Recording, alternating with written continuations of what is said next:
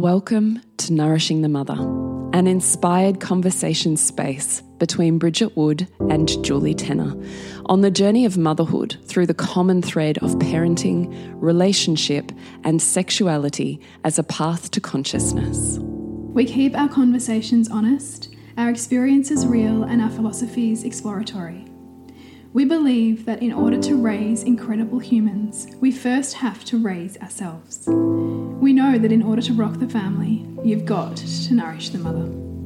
If you are here, you care about paving a path of conscious and intentional motherhood connected with yourself and your gifts, and also illuminating your children in theirs so we may raise more whole humans who can impact this world in a more humane way. If you desire to integrate your learnings practically and supportively, head on over to bridgetwood.life or julietenner.love to go deeper.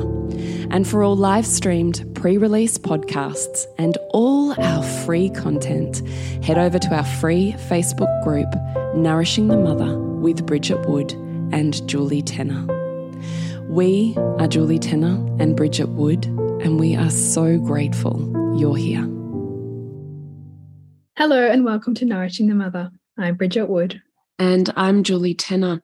And today's podcast is recognizing when you flipped from activism into stuck anger. And it comes from a beautiful listener's question. It does. So this listener says, Hello, beauties. I have a pod topic I'd love to hear cover.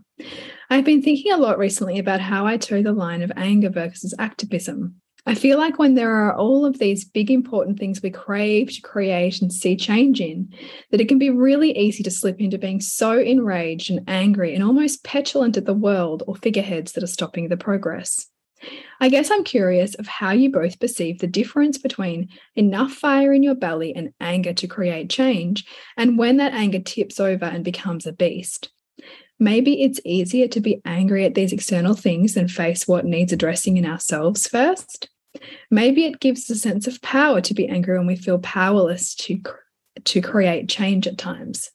Mm, it's so great because Bridgie instantly was like, "Oh yes, this is so good." Yeah, I'm like, I love this conversation. So that's what we're going to do. We're going to pull it apart yeah. So, how we'd love to do this is just to offer some reflection mm. because Bridgie and I both have lived this, and I would imagine continue to spiral through this through all of the different evolutions and shifts in our consciousness and in our value system. Mm. I do think we're always meeting our polarizations, and often that activist energy is part of that. Yeah. So, what we really hope to do here is just to offer you some it's this versus this. When it works for you and it's activating in all of the ways, beautiful, use it. Here's how you recognize it. And when it's flipped into something that is not so useful or helpful to you, then it's going to look like a stuck anger or energy in the body. And then it might look like these particular things. So, where I would start this conversation, and then Bridgie will, I no doubt, have things to say about it when it has to do with um, some of the other points that are coming up, is the first thing I always think about is is my heart connected or is my heart disconnected? Because when I'm fueled with rage, when that thing that I'm polarized on and that I see as such an injustice in the world and as harming to the people that I love and care about, and the way that I see the world, it can move from something that uses my connection and my natural inspiration and my desire to affect change from a grounded place, thereby loving everyone. My heart's connected. I can love you in your difference. Mm. Versus my heart's totally disconnected. I'm in anger. I want to crush you. Mm-hmm. I want to squash you. I want to tear this establishment apart, which, of course, inevitably creates just as much harm as I'm rallying against. Mm. So, for me, the first step in recognizing when this is useful and when it's spiraled into something that's more triggering from my past stuck stuff or whatever's happening in my psyche is for me is my heart connected can i love everyone here and if i mm-hmm. can't if i can't feel my heart if i can't love these people if i can't be grounded my heart rate steady calm sacred space within me as I'm having these difficult conversations or I'm moving through a methodical process towards change, then then I'm not ready for it. Yeah, another way to kind of almost phrase that is is am I humanizing people here or am I dehumanizing people here? Because when you're humanizing people, you're loving them in their humanness and their humanness means that they're often going to see things and the world different to you. Whereas when you're dehumanizing and you're disconnected from your heart, then they're just obstacles, collateral damage. You don't care because you're so connected to your own anger and your own righteousness that you don't really care about the people around you. Yeah. Well said. When we're connected to our self righteousness. Mm. Yeah. Yes. When we're in pride. Yeah. Yeah. Totally. Yeah, and ultimately, we get nowhere really with that because we're very hard to hear. Yes. Yes. Like it doesn't grow any kind of relationship or relationship or yeah. transformative change or true sustainable activism from that place because all you do and we will have all had experiences of being so in people's faces about the thing that we're like so determined is right mm. or the correct way to be or how to live that it's really repulsing to other people. Yeah. And when we're not caring about the other person's experience or their values or their humanity, then that's how it registers. That that's kind of how that activist energy registers for another person. Yeah, totally. The next point that we had for recognition was Is this an experience of anger that pulls you forwards? Or is this an experience of anger where you are staying stuck in cycles of petulance, rage, emotional disturbance? In mm. other words, is it motivating energy or is it stuck, stagnant, cycling, spiraling into what we might term in inverted commas lower grade emotional states. Yeah, like erratic, like, you know, pinging off everything, you know, blowing up at small things, right? Instead of it pulling you forward, you're just bouncing like a, like a, you know, an, arc like an arcade game, like that little ball in the arcade game, which just pings off everything around you. Yes. it feels like. Yeah, exactly. Because there's a really distinct difference, isn't there? Like when you tune into it, I mean, anger is such a wonderful, wonderful emotion, which you and I have had so many podcasts on. So by all means, search anger and, and you will probably come up with 10 podcasts that we've specifically yeah. addressed on anger because it seems to be the thing that women struggle with the most. And mm -hmm. beyond that, mothers struggle with the most. So, yeah to be able to learn how to use the very potent energy that is anger and use it in such a way that you can disperse it through your body so it's life giving, so it's energizing, and so it gives you that extra nudge to create the change that you wish to see in the world. That's what we mean by galvanizing. Mm. Right? There's nothing like often fuck you energy to get the shit done that otherwise you'd be too fucking tired to even yeah. do. Right? Yeah, it's amazing. It, it, it's like it taps into like this power source, this hypercharged power socket, right? That we have access to when we really use anger in that way. I mean, that's how that's how some women get into the pattern, or some I say women, but some people get into the pattern of rage cleaning, right? Because yes. there's something like powerful about it. But yes. you know, sometimes it's actually really unhelpful for you, but you do get the outcome that you're wanting. Well, with great power comes great responsibility. Mm. Right. So you have a very potent, as you said, power socket or plug into this particular energy. The only consideration is how will you wield that power? Mm. How will you wield that sword? That's the responsibility. Are you using it for destruction and squashing others? Mm. Or are you using it as an agent for change? Are you using it to affect marvelous, wonderful things in the world because mm. it's the same energy. It's the responsibility of those in the power to use it. Yeah. So I see that the same with anger. The next one we had is Is it consuming you with fixing everything outside of you? Or are you able to hold self reflection?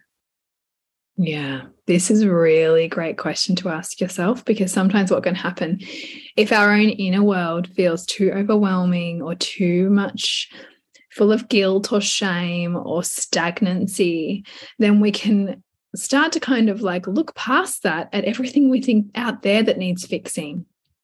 Mm. Right? Like that we see that's wrong in the world. And that might not necessarily be wrong, but it feels almost safer sometimes to focus on the thing outside of us that we don't have as much skin in the game with, um, that we can have an opinion on and get really annoyed about, but, but is actually well beyond our circle of influence to put our energy because we get to express it all, but we don't also have to be responsible for doing anything about it.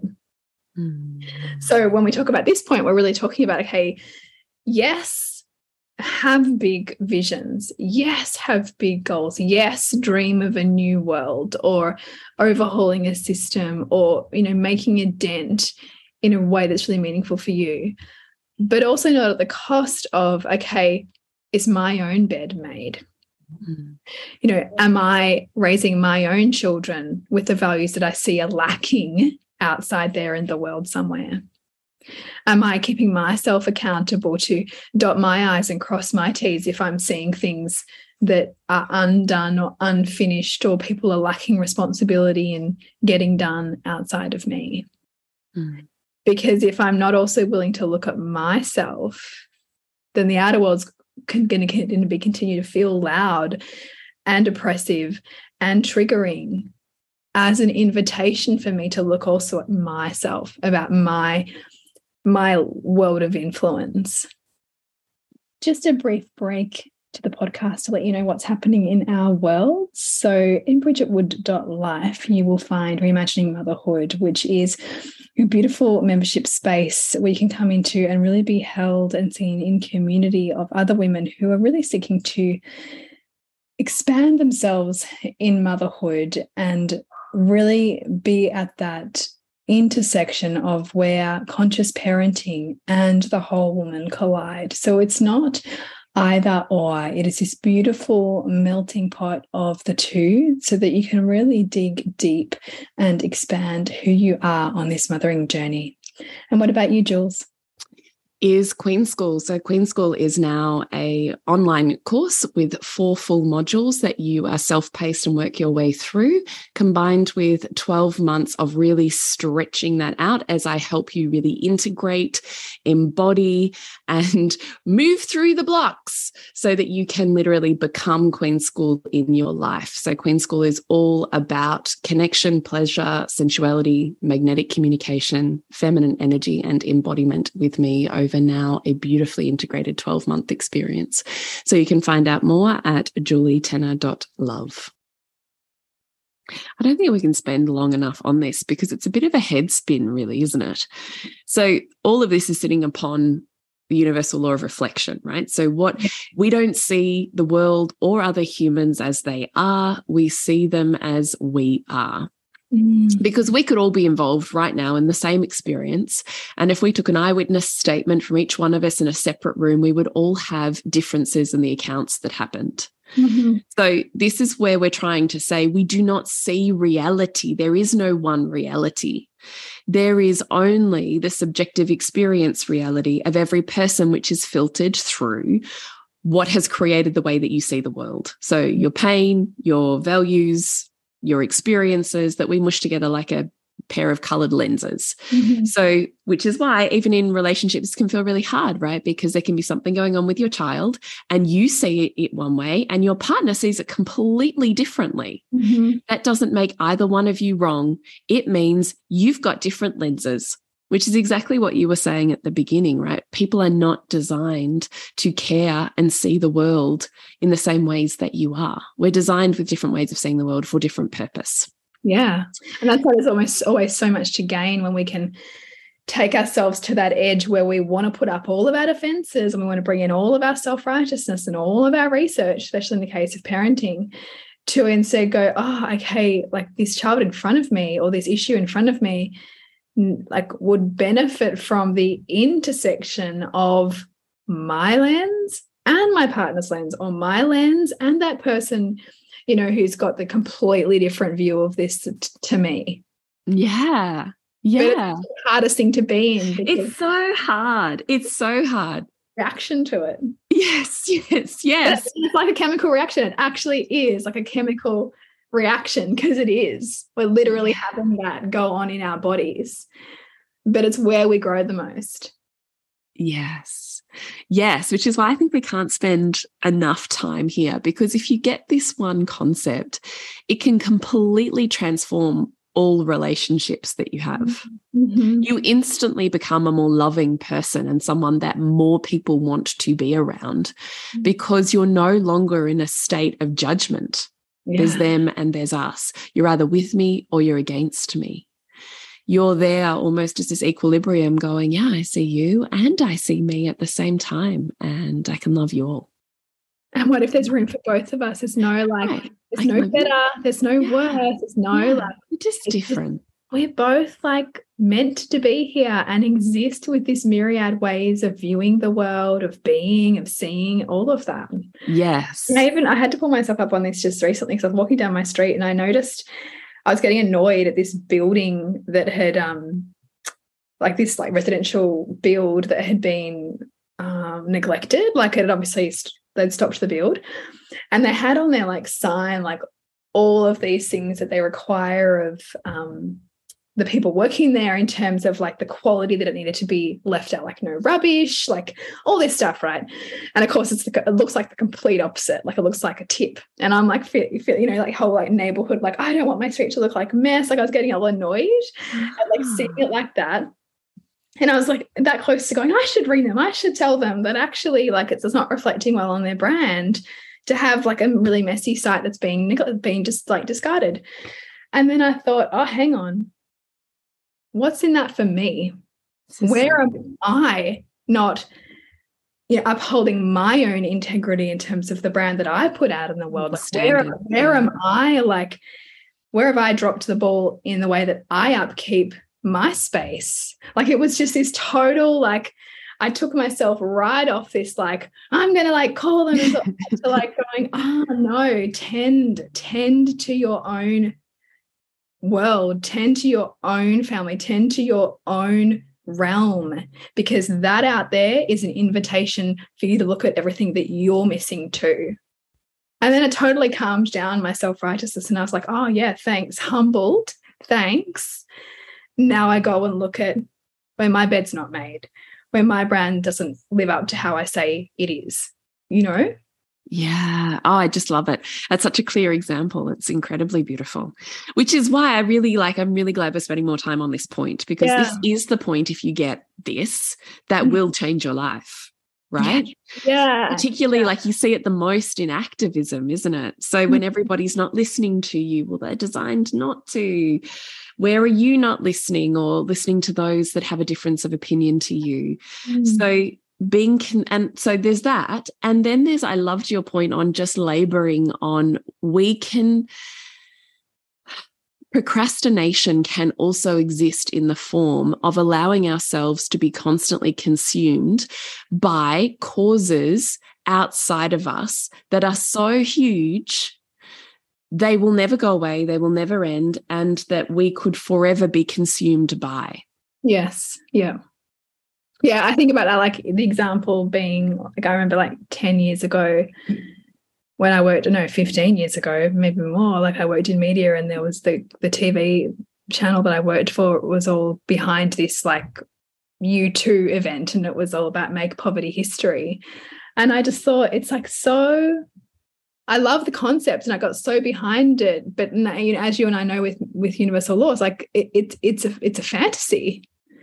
And yet, so how often do we get consumed by the fantasy of a one sided world and the fantasy of affecting great change that's actually outside human possibility, right?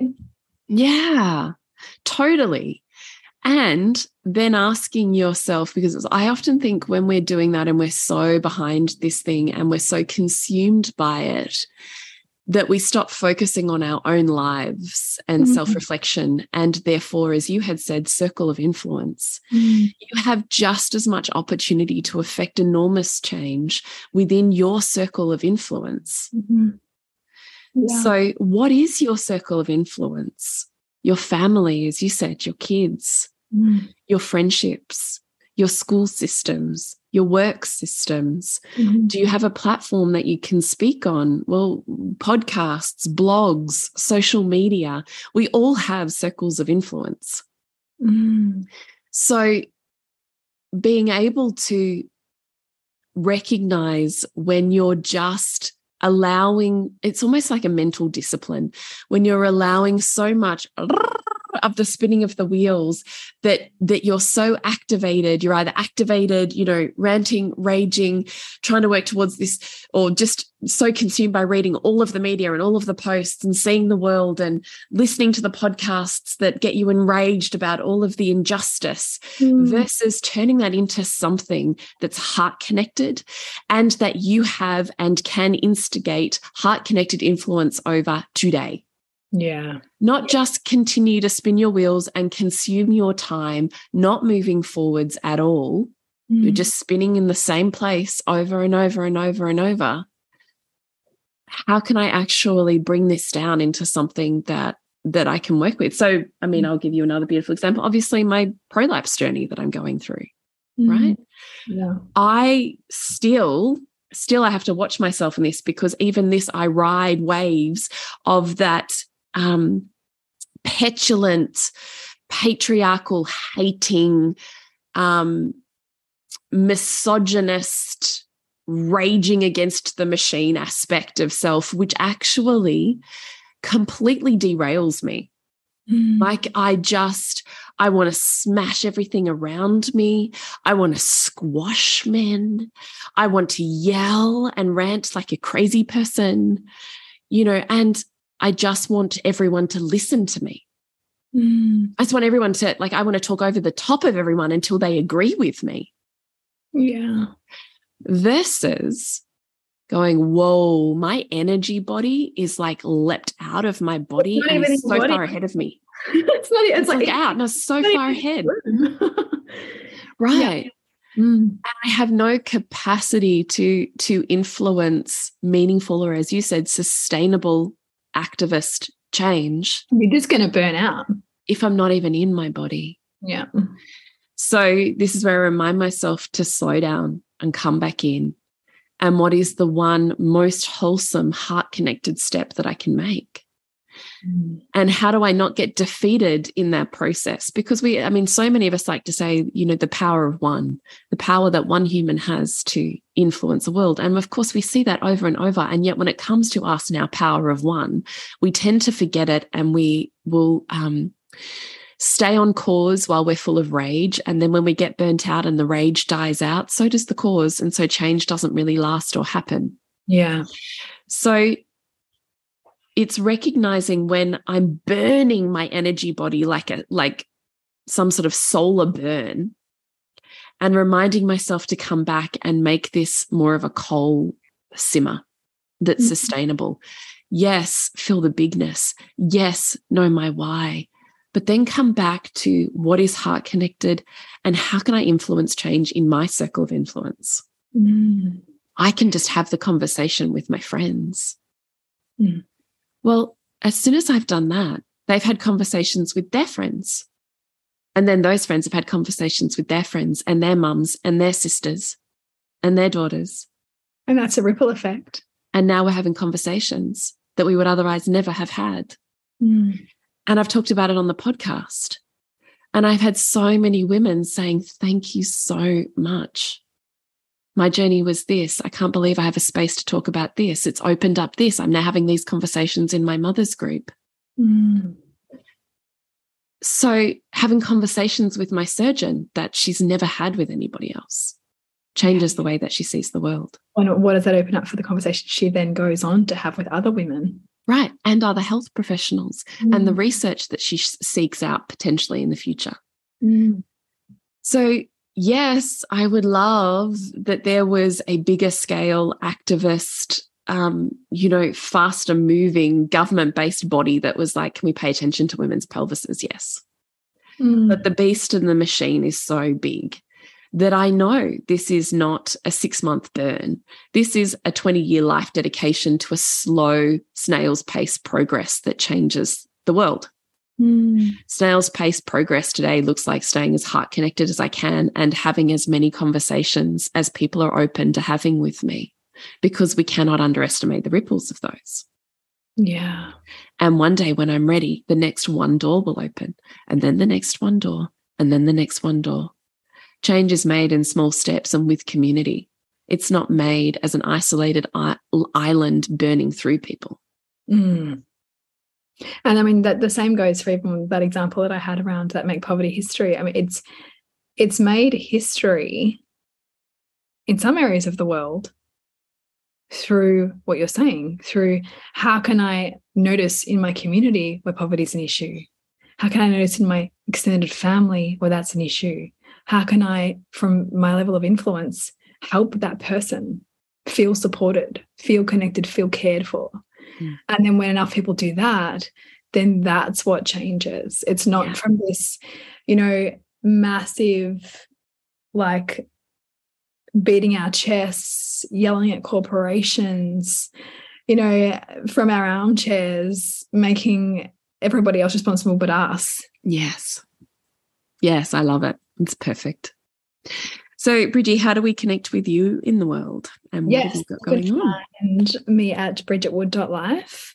All things reimagining motherhood for the remainder of this year. So, we're moving into embodying spaciousness. So, how do we do that amid the demands of children's big feelings, amid the demands of our own yearning for our own lives, of our obligations, of our you know, of our lives essentially. What can we do as daily practices? What can we do in terms of how we set up our worlds to have that greater sense of spaciousness and choice? Because without any spaciousness at all, we're simply just reacting to life, and that's not fulfilling. So mm. we're carving out room to have those conversations and practices inside reimagining motherhood. Mm. What about you, Jules? Over at julietenner.love, it would be all things a Queen's School journey within Honey Club. So, whenever you sign up, it's a 12 month journey, and you essentially trust me to guide you through the daily and weekly practices, slowly, slowly, gently, gently, that create enormous change in how you see the world, men, the masculine, the feminine, and you within it. So, you can find out more at julietenner.love. Remember to nourish the woman, rock the family. And we'll see you next week when we continue to peel back the layers on your mothering journey. Thank you so much for listening. We literally couldn't do this without you. Please share this podcast with anyone you think it would be medicine for. If you desire to integrate your learnings practically and supportively into your life, then head on over to bridgetwood.life or julietenner.love to go deeper. And if you feel like giving back a little to this free content, please rate us on iTunes or Facebook, all of which helps the podcast reach more mamas who need this type of tonic for the soul.